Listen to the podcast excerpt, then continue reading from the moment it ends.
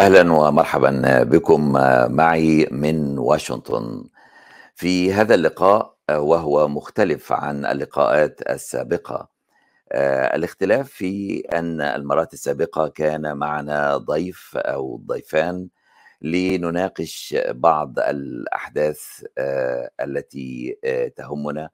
لكن في هذه المرة في الواقع اخترت أن يكون تعليق أو تحليل من جانبي بدون ضيف.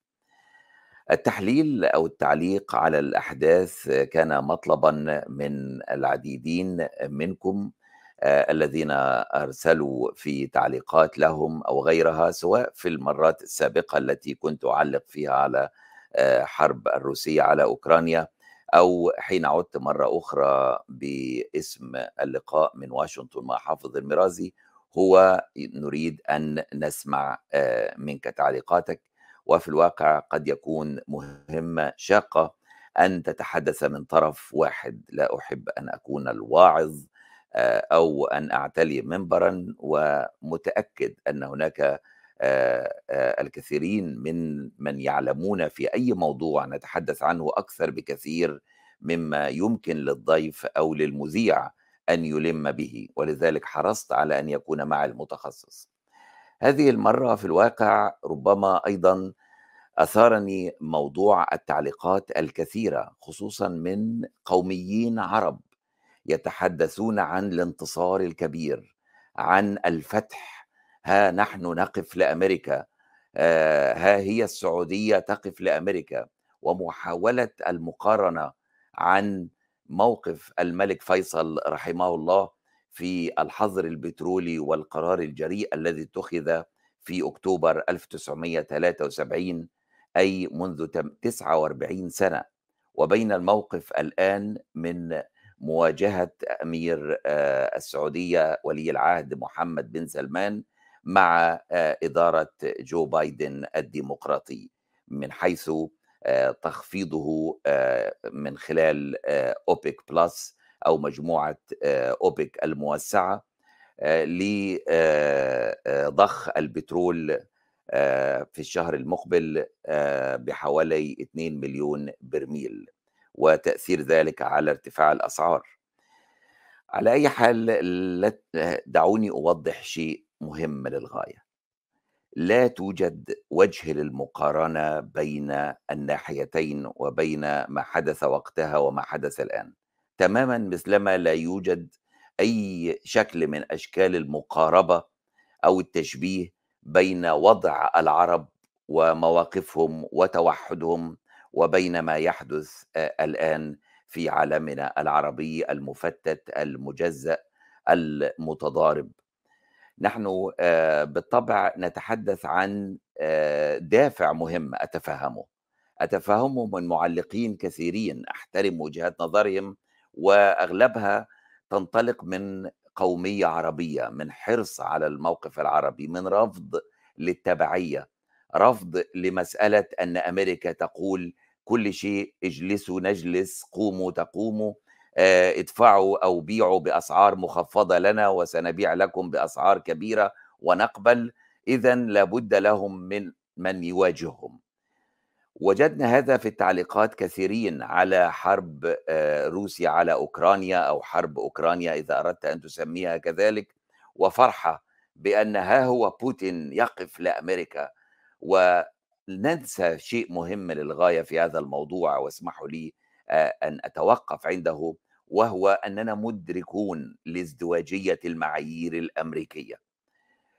لن نحتاج إلى لافروف ولا إلى بوتين لكي يذكرنا بأن أمريكا لديها ازدواجية معايير حين تتحدث عن احتلال أراضي دولة أخرى ولدينا الأراضي الفلسطينية والعربية محتلة من إسرائيل بحماية أمريكية واضحة وفجة.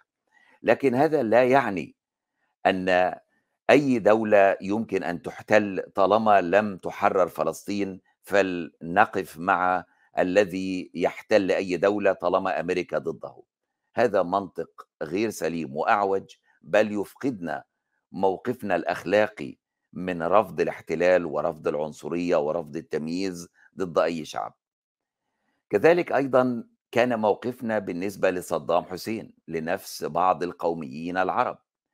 الذين راهنوا على أنه ها هو يقف لهم. ونسينا أن هذا نفسه هذا الشخص أو هذا الدكتاتور أو هذا المستبد العربي هو الذي كان يدعم من أمريكا حين كان يحارب آه، إيران آه، على مدى سنوات قبل أن يقوم بمغامرته ضد بلد عربي آخر هو الكويت. ثم جميعنا دفع الثمن فيما بعد. هل نحن نكرر ذلك الآن؟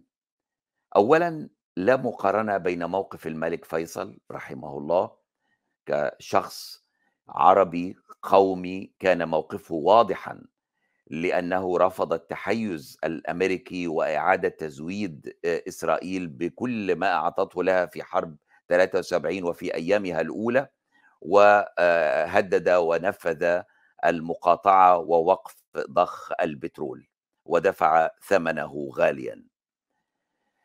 وقتها كان يقف مع مصر مع سوريا مع كل الموقف العربي ضد تحيز أمريكا مع إسرائيل ضد إسرائيل اولا وأمريكا ثانيا لأنها تؤيدها. نحن الآن في موقف مختلف تماما. نحن نتحدث عن سياسة تلعب من يدعم الموقف السعودي والإماراتي ضد إدارة بايدن؟ أعتقد أن اللوبي الإسرائيلي يدعم هذا الموقف. ولولا دعم اللوبي الإسرائيلي لما كان موقف بايدن ضعيفا ومضحكة لنا جميعا ونحن نتفرج عليه يضطر للذهاب إلى السعودية ويقول ساعدت في موضوع البترول لكن ما تحقق في زيارة بايدن للسعودية؟ كان في الواقع هو تحقيق ما أراده اللوبي الإسرائيلي من هذه الزيارة. فتح المجال الجوي السعودي للطائرات الإسرائيلية آه، كل ما أرادته إسرائيل على الأقل مرحليا وهي تعلم أنها مسألة مرحلية. المرحلية بدأت مع إسرائيل في عهد الولي العهد محمد بن سلمان الحاكم الفعلي حتى حين وقعت البحرين على الاتفاق الإبراهيمي لأننا نعرف أن البحرين لا يمكن أن تفعل ذلك بدون موافقة ومباركة سعودية لأن تقيم هذه العلاقات وهذا التطبيع. لكن ليس هذا الموضوع الآن بمن طبع ومن لم يطبع، نحن نتحدث بالتحديد عن أنه لا داعي لهذه المبارزة وبأن هناك موقف قومي. لا يوجد أو لم يوجد أحد ضد العرب وضد المسلمين علنا وفي كل حملته الانتخابية أكثر من ترامب.